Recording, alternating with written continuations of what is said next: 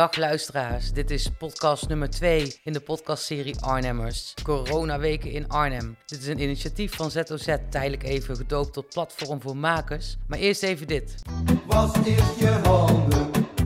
Deze podcast is terug te vinden in Apple Podcasts, Soundcloud en Spotify. En op social media zijn we te volgen via de open Facebookgroep Coronaweken in Arnhem. Vandaag gaan we in gesprek met Arnhemse stadsdichter en podiumkunstenaar Jesse Laporte over hoe hij nu met de situatie omgaat, wat hij gaat doen, zijn angst, maar ook over zijn teksten van hoop. Jesse, welkom in de podcast Arnhemmers.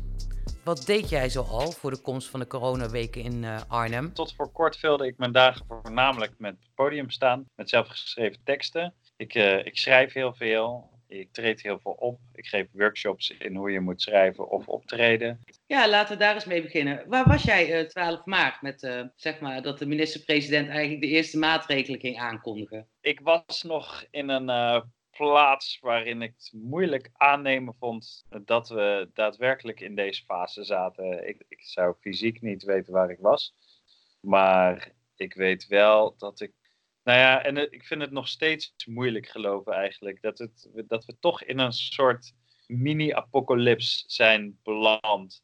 Het is ook weer niet zo groot als dat de media doet vermoeden, want alles gaat erover. Het is niet hetzelfde als een derde wereldoorlog waarschijnlijk. Tegelijkertijd is er zoveel veranderd en is het is, is het zo merkbaar hoe anders de wereld is, dat ik het moeilijk vond om meteen aan te nemen. En nu begint het een beetje te landen, zo op dit moment.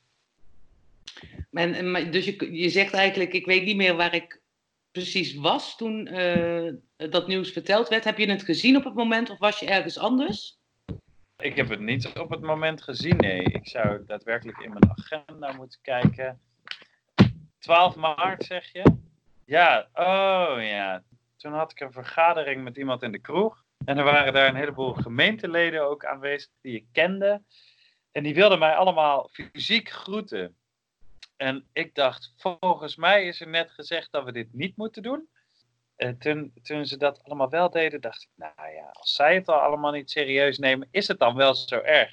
Maar ja, een dag later, toen, of twee dagen later, toen de coffeeshops moesten sluiten. Ik woon in de straat bij twee coffeeshops. Toen mhm. waren die coffeeshops binnen twee uur leeg. En toen pas kwamen de echt apocalyptische beelden. Een soort van, ik zat toen nog in een volle kroeg vol gemeenteleden. En volgens mij was iedereen nog een beetje in ontkenning. En inmiddels is het ja, toch wel real. Dus ik wil jou eigenlijk zeggen van het duurde even voordat ik er een, eh, een grip op kreeg. En dan, dan is het weer even weg. En dan heb je misschien weer dat je een klein stukje dieper in die realiteit uh, zakt. En dan weer eigenlijk een soort van in- en uitbeweging. Uh, dat is wat ik je hoor zeggen. Eigenlijk steeds dieper erin. Want het is uh, de eerste keer dat je dat hoort, is natuurlijk. Je weet eigenlijk niet wat je hoort. We hebben dit nog nooit meegemaakt. Hoe verhoud je je daartoe? En de volgende dag worden opeens al mijn optredens afgezegd. En denk, shit, oké, uh, wat nu? En de dag erop wordt opeens alle horeca gesloten. En denk je, nee, maar zo'n vaart zal het er niet lopen. En vervolgens blijkt dat, zeg maar, de hele wereld een beetje op slot gaat. Dus het is, je probeert eigenlijk per moment een beetje te behapstukken wat er gebeurt. En op het volgende moment is het alweer erger. Ik loop gewoon een beetje achter de feiten aan. En ik denk iedereen het, het, is niet te overzien wat dit betekent in de toekomst. En het is al amper te overzien wat het vandaag betekent. Dus ik kan, kan ook weinig uitspraak doen over goh, hoe ga je dit volhouden. Want ik heb al moeite om te bedenken hoe ik vandaag uh, moet invullen. Maar, en, en, maar hoe, hoe, hoe ziet zo'n dag uh, voor jou uh, eruit? Of hoe ziet de afgelopen weken voor jou er dan uit? En nu ben ik heel hard bezig geweest met het proberen klappen op te vangen en ergere klappen te voorkomen. Als gezegd, bestaat mijn leven eigenlijk voornamelijk uit op het podium staan. Zit ik natuurlijk heel erg in de evenementenbranche, om een lelijk woord te gebruiken. Ja, en dit is allemaal weg. Technisch gezien is mijn eerstvolgende optreden dat nog niet is afgezegd, is 10 mei. We zien of dat doorgaat. Ik ben um, handgeschreven gedichten tekstjes gaan versturen naar mensen. Ik heb dat wel eens getest op Instagram en dat liep als een trein. Dus ik ben dat heel snel gaan doen. En toen had ik in, in 24 uur heb ik 400 teksten verstuurd. Toen heb ik dat uh, eerst op Instagram gedaan, daarna op Facebook. Dat loopt, loopt nu ook redelijk. Ik heb het nu op mijn website gezet om in ieder geval te voorkomen dat ik, weet ik veel, mijn huis uit zou moeten. Of, maar de vraag is natuurlijk een beetje, of de vragen die ik dan heb, is hoe lang gaat de post er nog mee door? Eh, hoeveel maanden moet ik dit volhouden? Wanneer is de markt verzadigd? Wat is het volgende plan? Hoe zorg ik dat ik, weet ik veel, live kan gaan optreden en dat mensen daar natuurlijk ook iets voor neer willen leggen? Wat, wat moet ik gaan doen? Dus ik ben nu zowel de klap aan het opvangen door, door heel snel creatief na te denken over alternatieven, als Mhm. wel na te denken over een volgende stap. Ja, die, die, eh, die gedichtjes die je eh, maakt en die ook succesvol zijn op, op Instagram. Want ik heb je natuurlijk Ja. ook al voorheen buttons eh, zien eh, versturen. Voor de mensen die eh, niet weten wat Jesse doet. Jesse maakt kleine korte tekstjes. Ik weet niet hoe jij ze noemt. Heb je er een woord voor? Of, vind ik moeilijk. Veel mensen noemen ze quotes. Ik, ik hou het Ja. graag gewoon tekst. Ik hou het graag op teksten, want soms zijn ze wat Ja. langer, soms is het echt een gedicht, soms niet. Dus tekstjes of teksten. Maar ja. wat, wat, er ook, wat, wat, wat je ook heel veel ziet gebeuren, eh, en dat eh, kun je ook zien op jouw Instagram-account, dat heel veel mensen die teksten ook laten tatoeëren in jouw handschrift, eh, zeg maar. Ja. Eh, Ja. En dat is wel iets heel opvallends. Het, het zijn eigenlijk letterlijk lijfspreuken geworden. Ja, de dingen die ik schrijf, die staan nu op hun lijf geschreven. Ja, fantastisch. Ja. Heb, je, heb je er eentje, eh, eh, of misschien wel meerdere, die eh, nu van toepassing zijn? Want het zijn korte tekstjes waar mensen ook hoop uit putten. Eh, Ja. ehm, kun je er eens één opnoemen? Eentje die, die eigenlijk overal het best is gevallen altijd en die ook nu erg van toepassing is, is de zin die ook een aantal keer is getatoeëerd al. In het ergste geval komt alles goed. Ja, je kan het natuurlijk niet echt een gedicht noemen, maar het is wel een tekstje dat voor veel mensen helpt. Dat, dat prettig is. En het is, het, is, het is natuurlijk toch een beetje een waarheid als een koe. Uiteindelijk komt het wel weer goed. En het, het is natuurlijk een beetje een, een woordspeling op de, op de twist die je eigenlijk aan het einde van de zin verwacht. Van, oh, in het ergste geval gebeurt ook nog eens dit. En dan dat het juist weer goed komt, is natuurlijk prettig om, om te horen. Denk dat die voor veel mensen helpt. En de bestelling die ik heel veel heb gehad de afgelopen tijd is haal uit zwaartekracht. Mhm. Dat mensen nu toch inderdaad een beetje in de put zitten. Maar aan de andere kant ook, nou ja, hier, hier sterker door worden. Mensen worden creatiever, verbindender. Er is ook de tekst, wat nu zwaar is om te dragen, geeft je spierballen voor later. Sluit natuurlijk wel een beetje aan bij de spreekwoordelijke put waarin veel mensen zich nu bevinden. En tegelijkertijd toch Ja. maar moeten roeien met de riemen die ze hebben. bijvoorbeeld aan, in het ergste geval komt alles goed, eh, mooi eh, vind, is dat, eh, dat er een, een, een soort van idee is dat er een later is, waarin de dingen anders zijn en dat alles een soort van voorbij gaat. En inderdaad, ja. wat je zei, hoe verhoud je je tot dingen? Die teksten die komen natuurlijk ook uit jouw ervaring. Degenen die jou volgen, die weten dat je ook eigenlijk heel veel te doen hebt eh, met eh, angst en vormen van angst. En eh, dat ook aangaat. Ik vroeg me eigenlijk af, hoe is angst nu veranderd voor jou ten opzichte van de angsten die voor deze situatie er waren en wat er dan nu komt? Want ik Ja. vind je niet angstig, zeg maar. Je zit gewoon thuis, net zoals ik thuis zit. En voor mij is, ja, mijn thuis is ook echt mijn thuis, mijn veilige Mhm. haven. Dus je wordt niet geconfronteerd met de wereld buiten, zeg maar. Maar je wordt met, op een andere manier met iets geconfronteerd. Hoe, hoe, ga, je, hoe ga je ermee om? Nou, ik moet bekennen dat ik wel meer paniekaanvallen heb dan gebruikelijk. Het ging Ja. eigenlijk het afgelopen half jaar eh, best wel goed. Ja, best, best wel veel dingen zijn aan, eh, aangeslagen. En, en wat je zegt, veel van die teksten die zijn inderdaad gebaseerd toch op een soort levenslessen. Soms zijn het een soort mantra's geweest die ik nodig heb gehad om een periode door te komen. Maar ik moet zeggen dat zeker de eerste dagen, zo afgelopen vrijdag en zaterdag, dat die landelijke paniek ook wel oversloeg op mij. Ik, eh, ik heb hier behoorlijk van in de rats gezeten. Ieder keelpijntje dat ik had, dacht ik: oh nee, dat zou wel eens het virus kunnen zijn. En wat nou als ik doodga? En heel voorzichtig. Ja, dat, dat trok er toch wel een beetje in. En aan de andere kant is dit denk ik een tijd als nooit tevoren waarin nuance en relativering zo belangrijk worden. Je gaat, je gaat in je huis, ga je, weet ik veel, terwijl je, terwijl je de was aan het doen bent, je gaat, je, gaat, eh, je gaat hele nuttige dingen doen, je gaat jezelf een beetje ontwikkelen. En ik denk dat dat soort dingen heel erg bijdragen aan het nuanceren en relativeren van de huidige situatie. Ja, als je de hele dag buiten bent en dood wordt gegooid met, met de media die je bang maakt, dan eh, blijf je veel consequenter bang dan wanneer je nu thuis, weet ik veel, je, je Frans en je Duits een beetje gaat bijspijkeren. Of wanneer je een cursus gitaarles gaat. Ik heb het idee dat, ehm, dat het een beetje elkaar opheft in die zin. Aan de ene kant is de paniek veel groter dan ooit. En aan de andere kant is er veel meer nuance, veel meer mensen die oproepen tot verbinding en relativering. En mensen die meer naar feiten en wetenschappers willen luisteren. Uh, en dat, dat maakt me ook wel weer rustiger. Ik heb eigenlijk nog nooit zo vaak gewoon gedegen onderzoek voor mijn neus gekregen. Nog nooit zo vaak een beetje de, een, een waardegericht leven voor mijn neus gehad. Van ja, wat wil ik nou eigenlijk wel doen als ik dan in mijn eentje thuis ben de hele dag. Dus het, het maakt me aan de ene kant, zeg maar, s'nachts in bed of zo, ben ik, ben ik banger. En aan de andere kant ben ik veel kalmer. Want het geeft gek genoeg een soort existentieel vakantiegevoel, als ik het zo kan noemen. Een, een existentieel vakantiegevoel. Ja. Ja.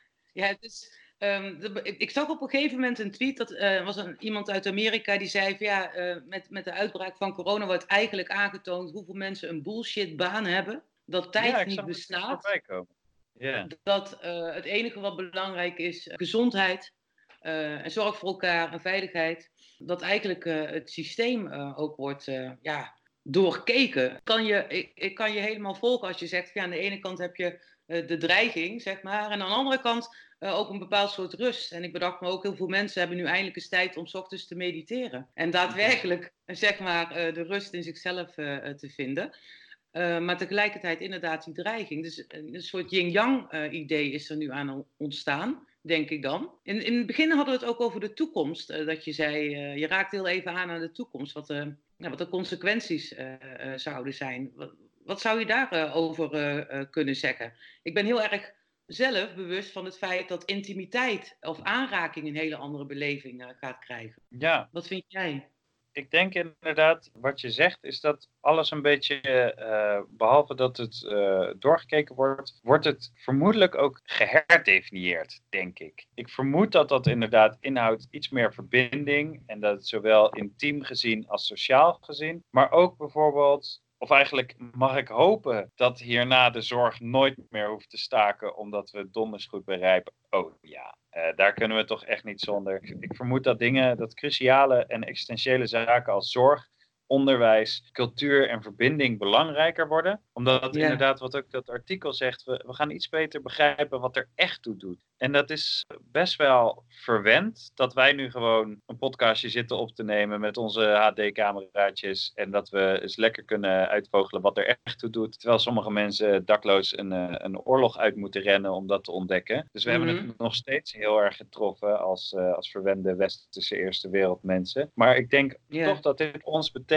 dat we iets waardegerichter de maatschappij gaan indelen. En ik kan me ook voorstellen dat er een soort sociale golf aan het ontstaan is. Omdat we gewoon merken wie de zwakkeren zijn in de samenleving als het aankomt op, uh, op fysieke gesteldheid. Dat we iets meer merken van, goh, hoe zou ik mijn leven willen invullen als het eind der tijden is aangebroken. Nou, ik vermoed dat het socialer, cultureler en nou ja, lichter wordt als het, uh, als het binnenkort weer goed komt. Waar ik wel van uitga. Als ik de cijfers moet geloven, dan, uh, dan is die piek op een gegeven moment weg. En dan zijn we, hebben we, een, zoals de president het zegt, een immuniteitsmuur opgebouwd. En dan komt het wel weer goed. En ik vermoed dat we daarna, als we niet verslappen in aandacht, dat we uh, meer aandacht hebben voor elkaar en voor wat we uh, echt belangrijk vinden wat jij ook zei, hè, het is gewoon leven van dag tot dag. Het blijft een soort van uh, koffiedik uh, kijken. Maar het is wel een soort gevoel uh, wat je er inderdaad bij krijgt. Van die kant zou het op kunnen gaan.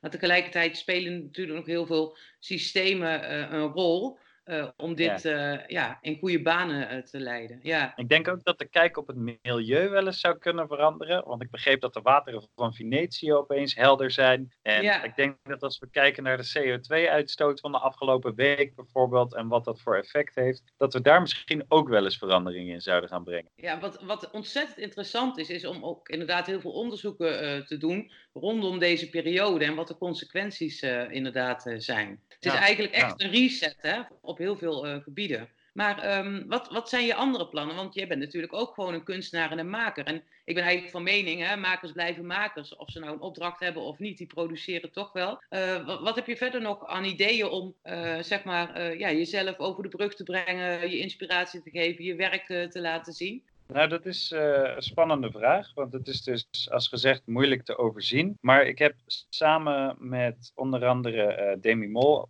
van Eigenzinnig en Spoken Word Oost-Nederland hebben we laatst opgezet. Hebben we een online evenement opgezet. Waarin Mhm. dus alle eh, sprekers en alle eh, woordkunstenaars, als het ware, die kunnen daar hun ei in kwijt. En dat heet Parels in een pandemie. Dat, dat is een soort, soort gratis evenement. Waarin je dan in ieder geval je creatieve ei kwijt kan als woordkunstenaar. Maar ik wil denk ik heel graag een soort livestreaming beginnen met, ik weet het niet, een open betaalverzoek of zo. Waarin mensen echt optredens thuis kunnen krijgen. Waarin mensen ervoor gaan zitten. Dat ze een, eh, een, een mooi belicht een goed gefilmde eh, ja, thuissessie krijgen, als het ware. Waar ze dan een, een bedrag naar kunnen overmaken. Want ik wil natuurlijk blijven optreden. En het leukste is als daar publiek bij is. Dus het liefst ook live. Want één ding dat we voorlopig nog hebben is internet. Dus laten we daar gebruik van maken. Ja, ik zat te denken, misschien kan ik zelf ook wel mijn gedichten en mijn eh, positieve boodschappen gaan rondfietsen.